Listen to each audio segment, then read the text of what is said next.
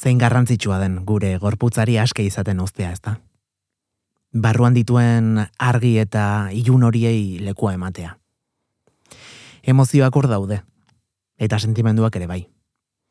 Eta kulturak horretarako baimena eskaintzen dugu hain zuzen. Emozioak sentitzekoa.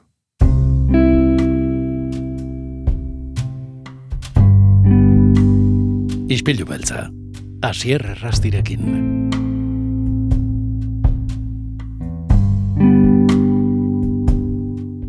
Gaur hori egingo dugu.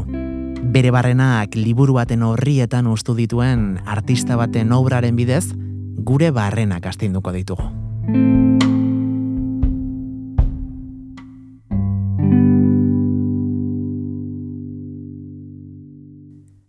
Marisa Hurtado, ongi etorri. Eskerrik asko, Asier. ¿Qué tal estás? Pues muy bien. La verdad es que muy bien. Encantada de, de reunirme otra vez con vosotros para, para recomendaros algunas de las obras que nos están llegando a la biblioteca de Oquendo. pues para nosotros también es un placer eh, poder contar contigo aquí en Espillo Vuelta otro año más. Eh, para todas aquellas que, que, todavía no te conozcan, mmm, me gustaría antes que nada subrayar que lo que nos has traído eh, hasta ahora y por lo que tengo entendido también, lo que nos seguirás trayendo este año son obras muy especiales, ¿no, Marisa? Bueno, eh, obras especiales yo creo que son prácticamente todas. Lo que pasa que sí eh, son obras de una parte de la biblioteca donde normalmente no transita los, las usuarias y los usuarios, ¿no? Porque les da cierto reparo y es que eh, la zona de ensayos, misceláneas o materias, ¿no? Piensan que, que, son obras que es para gente muy especializada o muy culta. Uh -huh. Y quizá en un tiempo así fue, ¿eh? Pero en los últimos 20 años aproximadamente hay un montón de publicaciones porque los ensayos, las misceláneas también es literatura. ¿eh? Entonces se está publicando de forma divulgativa con temas muy precisos, pero para todo el mundo. Y entonces nos estamos encontrando joyas de verdad, eh, obras literarias mmm, de temas que normalmente tampoco la gente suele pararse a reflexionar sobre ellos.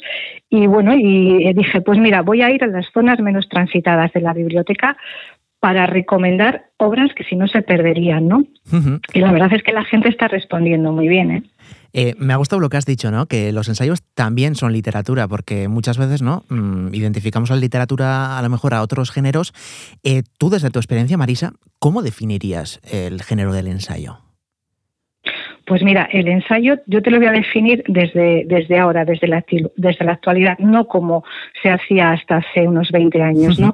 El ensayo es una obra literaria en donde se pueden plasmar eh, tus conocimientos sobre un tema, tus reflexiones y tus conclusiones, pero de forma eh, que pueda llegar a todo el mundo. O sea, es una forma de escribir que ha cambiado con respecto a unos años y es muy atractiva para, para las lectoras y los lectores, porque te plantea temas que igual tú en, en, una novela normal, ya sea narrativa, ya sea una obra de misterio, pues no lo encuentras. Y aquí de repente en un formato que normalmente suele ser eh, tipo biografía, eh, tipo reflexivo, tipo miscelánea, te encuentras algo que muchas veces desde el principio te, enga te engancha. ¿no? Eh, tenemos el ejemplo de Irene Vallejo, El infinito en un junco, que es un ensayo que bueno, ha roto fronteras. Y es una obra que trata sobre la historia de los libros y dices, pues vaya rollo. No, lo ha hecho de tal forma, tiene tanto conocimiento esta mujer, que lo ha hecho de tal forma que nos ha traído a, pues, a millones de personas, porque esta mujer eh, se está traduciendo a más de 20, a más de 20 idiomas. ¿no? Entonces, el ensayo no es lo que fue, el ensayo es eh, una experiencia contada por una persona que tiene mucho conocimiento de eso uh -huh. y te lo hace agradable y atractivo. ¿Y, ¿Y hacia qué dirección ha evolucionado el género? Pues mira, eh, la dirección, yo lo que veo es que ahora, eh, pues por el cambio de los tiempos, por fortuna, eh, hay muchísimas más mujeres que escriben ensayo. Y yo creo que es porque han podido acceder en los últimos años pues eh, a carreras eh, que antes solamente eran eh, para hombres no pues hay muchas mujeres científicas hay muchas mujeres filósofas que te están escribiendo sobre temas que antes eran especialmente masculinos o masculinizados y que ahora son divulgativos para hombres y para mujeres. Y eh, como no podía ser de otra manera, mm, para estrenar el nuevo curso en el día de hoy, eh, también nos has traído ¿no? una propuesta literaria completamente diferente a lo que estamos acostumbrados. Eh, bueno, cuéntanos, ¿qué es lo que tienes entre manos hoy? Pues mira, lo que tengo entre manos tiene un título muy bonito que se llama Tocar Tierra y un subtítulo que es Reflexiones de una jardinera. Entonces, cuando tú te encuentras con una obra de estas que tiene una portada preciosa, con unas flores, dices, bueno, eh, ¿dónde la pongo? Porque esto es una obra de botánica. Claro. ¿Cómo la catalogo? Es una obra de botánica, pero en el subtítulo me dice Reflexiones de una jardinera. ¿Dónde la meto? Claro. Entonces, a veces la catalogación es muy, muy complicada eh, y la han puesto en obras de botánica. Vale. Pero ya os digo yo que no lo es. Es que literalmente, Marisa, eh, en este caso, Leticia Rodríguez de la Fuente nos habla de flores, nos habla de sus características, de, cómo cultivarlas y de, y de cómo entre otras muchas cosas, podemos crear eh, ramos de flores con ellas, ¿no? Entonces, mm, ¿cómo es posible que un tema tan de nicho, digamos, eh, se haya popularizado o, lo haya popularizado a, a un público general, Leticia? Claro, pues porque precisamente lo que ha dejado de, en esta obra de lado es el tema botánico, eh, científico, tal cual se ha hecho hasta ahora, ¿no? Tú decías, pues esta flor se llama en latín así, tiene estas características y florece en tal época. Y voy a la siguiente. No, lo que ella ha hecho es entender que cuando ha conseguido volver a la tierra, por eso también eh, es una obra biográfica también, eh, la tierra la ha transformado. Y ya no son las plantas las que se venden en, una tienda, sino que las plantas forman parte de su cotidiano. Son, como ella dice, mm, ella tuvo una enfermedad muy grave de la que se pudo, pudo salir adelante, pero jamás pudo tener hijos. ¿no? Dice, y yo que pensé que por esa enfermedad, además tampoco tenía una un espíritu así muy maternal, resulta que ahora con el rescate de estas plantas, de las que hablaremos ahora enseguida, resulta que sí que tengo una vis maternal muy importante porque las cuido, las quiero, las entiendo, ¿no? Es muy interesante toda, todo lo que nos comenta en una obra que es pequeñita ¿eh? y está cuajada de ilustraciones maravillosas que están hechas por Sena Cifuentes. Entonces, en esas ilustraciones vemos en imagen lo que, lo que Leticia nos cuenta en palabras. Entonces, Marisa, mm, ¿podemos decir que junto a la autora de este libro podremos darnos un paseo por sus jardines? Es un paseo por sus jardines, pero entendiendo que esos jardines son ella misma porque ella eh, nos comenta, eh, mira, el libro comienza con una dedicatoria muy pequeñita, muy pequeñita a su padre, y su padre está presente en toda la obra, ¿no? Entonces dice, a mi padre tan lejos y sin embargo tan cerca. ¿Por qué? Porque ella a los 10 años se quedó sin su padre y ha estado en un duelo continuo hasta ahora prácticamente, que tiene cincuenta y tantos. Entonces, ¿qué ha hecho ella para escapar de ese duelo, de ese dolor continuo que no entendía al ser tan pequeña? Pues crear empresas, ella ha sido muy innovadora en empresas que aquí en el Estado español no existían y eh, bueno, ella decía, pues voy a crear esto. Y iba a, full con ello, luchaba, lo sacaba adelante y una vez que ya estaba encaminado eso, perdía motivación y entraba también en una especie de depresión. No, no había nada que realmente le, le enganchara, simplemente el frenesí de conseguir algo. ¿no? Y entonces esta chica eh, estudia en Inglaterra y ya sabemos que en Inglaterra eh, los jardines bueno, alcanzan el grado de excelencia y estudia con dos profesoras que son muy importantes, dos jardineras muy famosas que son las que le van enseñando pues cómo, cómo es el, mundo de la jardinería, que no es algo que tú plantas y crece pues una cosita de color azul o rosa, sino que lo que plantas es una semilla con toda la potencia de la vida, ¿no? Y saber lo que te puede dar, lo que te puede ofrecer, cómo puedes mejorar eso, pues es lo que aprende y hace cinco años vuelve vuelve después de haber superado este cáncer, después de, de, muchas cosas y vuelve siguiendo las señales de su padre. Es que es curioso porque a lo largo del libro ella nos dice que ha considerado a su padre mm, como un miembro honorífico de su equipo de trabajo, porque siempre está presente, ¿no? Ah, mira qué bonito. Entonces, sí, es muy bonito y además ella lo, dice desde el corazón, ¿no? No es para que pensemos que tiene cosas así extrasensoriales. No, ella dice que cuando vuelve, después de haber estado estudiando con, estas profesoras, estas jardineras, eh, pues está buscando en Madrid pues un localcillo en una determinada zona para poner su floristería. Y, anda por allí buscando y ve que hay un, un, local que había sido una carnicería que se vende. Y dice, bueno, voy a ver. Y de repente levanta la, la mirada y el cartel de la carnicería es Félix Carnicería. Hombre. bueno, pues ya está mi padre aquí diciéndome que este es el local que tengo que comprar, ¿no?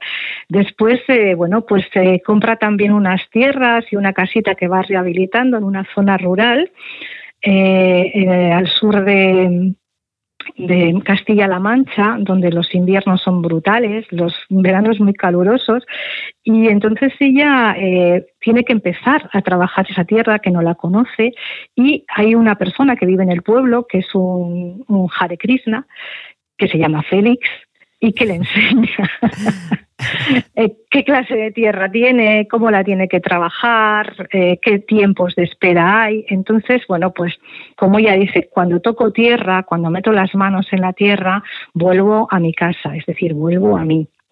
Y entonces sí que nos cuenta cómo aprende, cómo es la tierra, cómo hay que trabajarla, los tiempos de espera. Dice, yo era una mujer muy impulsiva, yo lo quería todo para ayer, pero en la tierra no, yo tengo que saber en qué estación estoy, qué clase de tierra tengo, qué plantas voy a trabajar. Y ella se decide a trabajar unas plantas que normalmente nadie quiere, porque son plantas autóctonas que no son especialmente bonitas o perfectas, ¿no? Como las que se ven en las floristerías. Pero precisamente por eso ella está teniendo ese éxito, porque todo es un trabajo artesanal, no utiliza ningún químico eh, y entonces no salen plantas perfectas, pero salen plantas de verdad, ¿no? Y eso ahora es lo que está, es innovador en, esta, en este campo también, ¿no? Entonces, pues fíjate en dónde nos metemos cuando nos metemos con esta pequeña obra. Joder, ¿cómo es, ¿cómo es capaz, ¿no? En este caso, Leticia, de, en vez de hablarnos, como tú bien has dicho antes, de, de manera puramente científica, eh, de las flores, de las plantas, de la naturaleza, eh, como más allá, ¿no? De un objeto decorativo, como pueden ser los ramos, eh, así los vemos muchos, ¿no?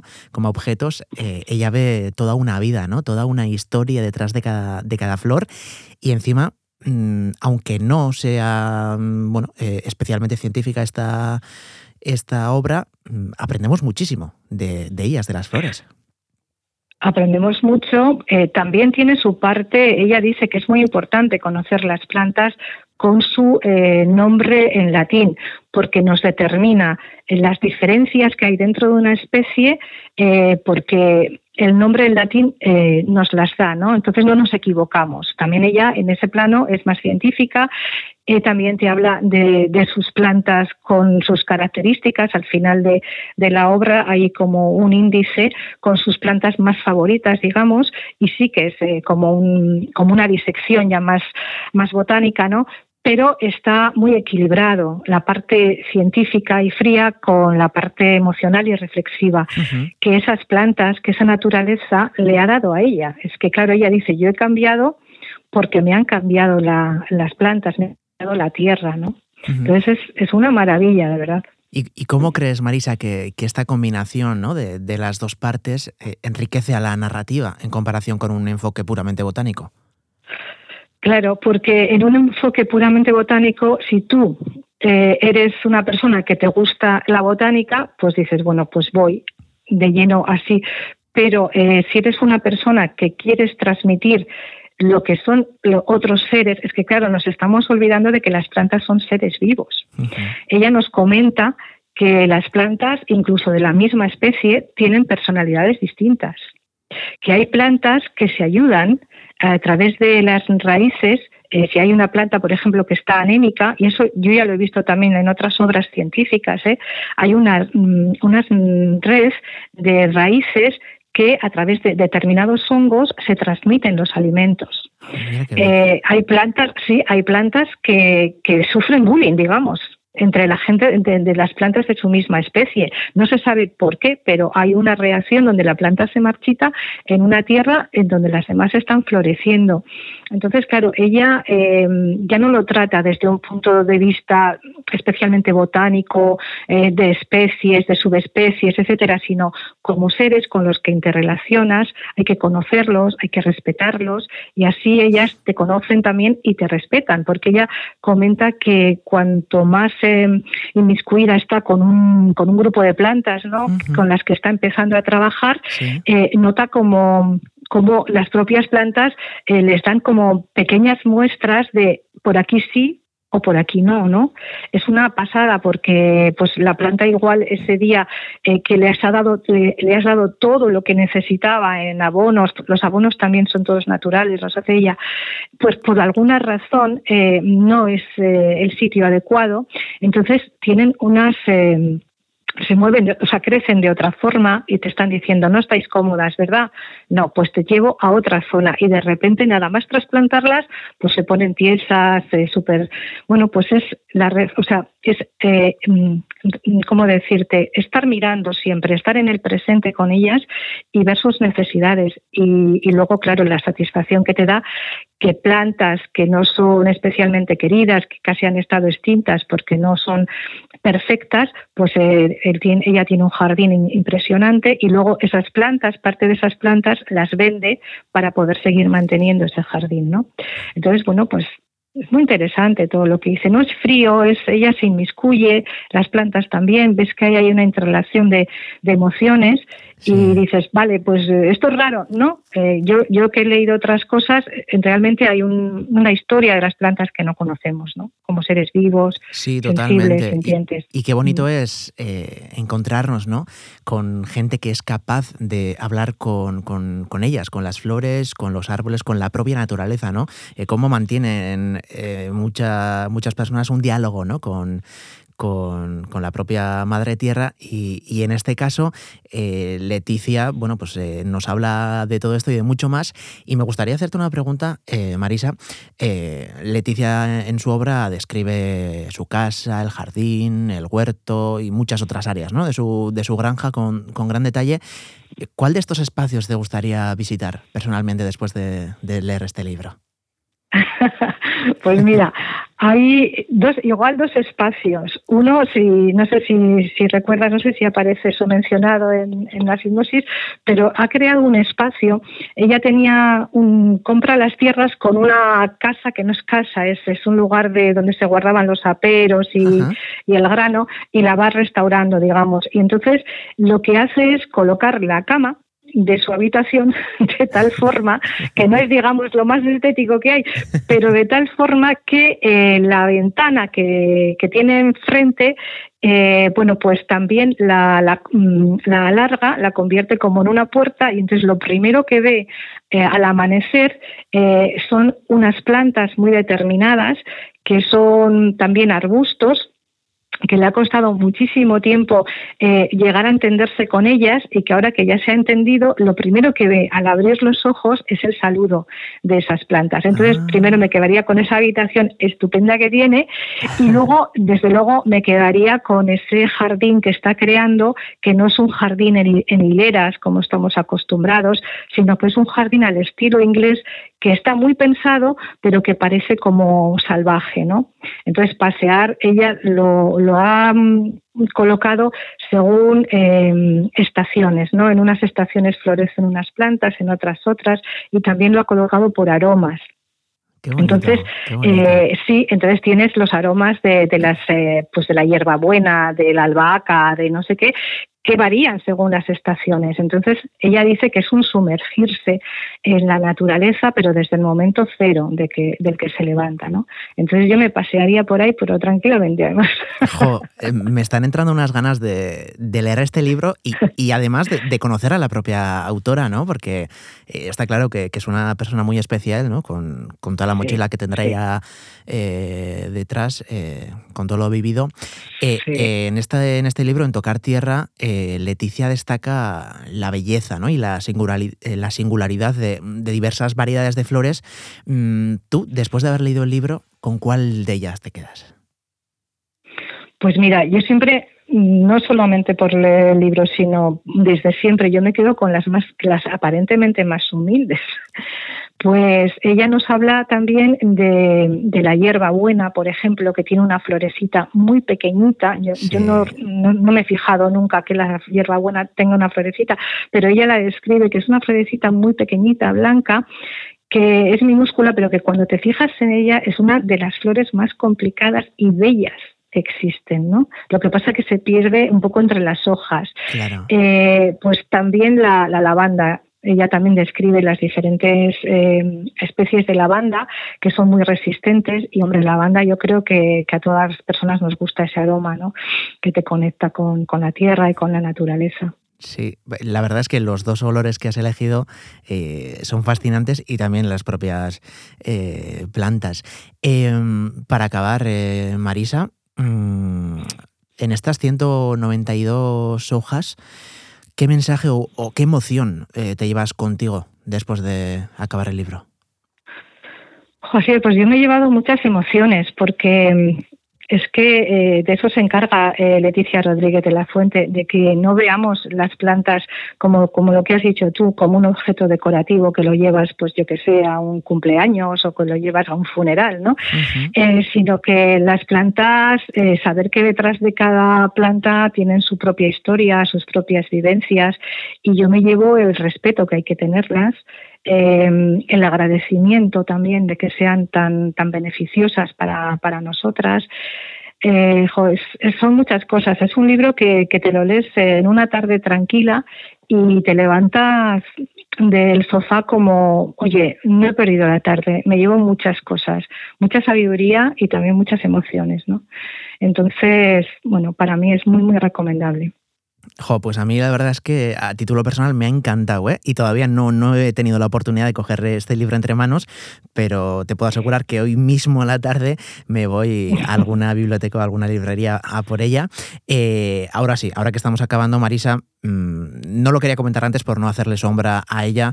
Eh, me imagino que más de uno ya se habrá hecho la idea, ¿no? Eh, al hablar de la figura de su padre, del nombre también eh, lo, has, ah, lo has compartido. No hemos mm, todavía desvelado quién es, el padre de, tienes Leticia. Razón, tienes razón. Con los apellidos ya yo pensé que ya sí, pero tienes razón. Ella es hija del doctor Félix Rodríguez de la Fuente, y es para, para Leticia es su gran referente. Es verdad que lo perdió a los 10 años, pero yo en entrevistas que he estado viendo de ella a raíz de la publicación de este libro, ella comenta que lo ha ido conociendo cuando se ha hecho más mayor, porque cuando era tan pequeña no había visto los documentales de su padre. Y claro, entonces ella entiende ahora muchas cosas también, porque aunque su padre pasaba muchas temporadas fuera de casa, cuando estaba en casa con ellas, sí que les decía, bueno, vamos a, ver estas plantas, vamos a ver que estos animalitos que viven aquí no hay que matarlos porque viven también eh, con, las plantas y las plantas necesitan de, que ellos transporten sus semillas, ¿no? Entonces es un conocimiento de que todo está interrelacionado y eso a ella le ha llevado también ahora a comprender que si vuelve a la Tierra todo vuelve a estar relacionado y ella encuentra también ha encontrado también su propio camino. Entonces, por eso su padre, Félix Rodríguez de la Fuente, es que está presente en toda la obra. ¿eh?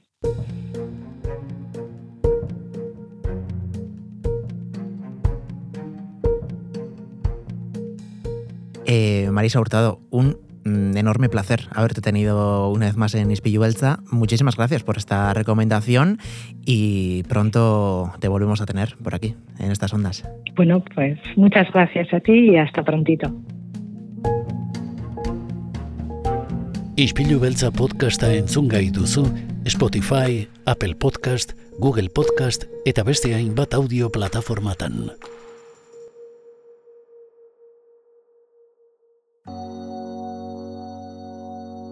Ba, tira entzule, mm, hause izan da guztia gaurkoz, eskerrik asko, beste egun batez gurekin bate egitegatik, bi harritzuliko gara, goizeko zortziretan donostia kultura irratian, eta goizeko seiretatik aurrera, zure podcast plataforman. Ordura arte, badakizue, txintxoak izan, agor. Nire aitaren etxea, defendituko dut, otxoen kontra, justiziaren kontra. Defendituko dut Galduko ditut aziendak soloak pinudiak. Galduko ditut errentak baina defendituko dut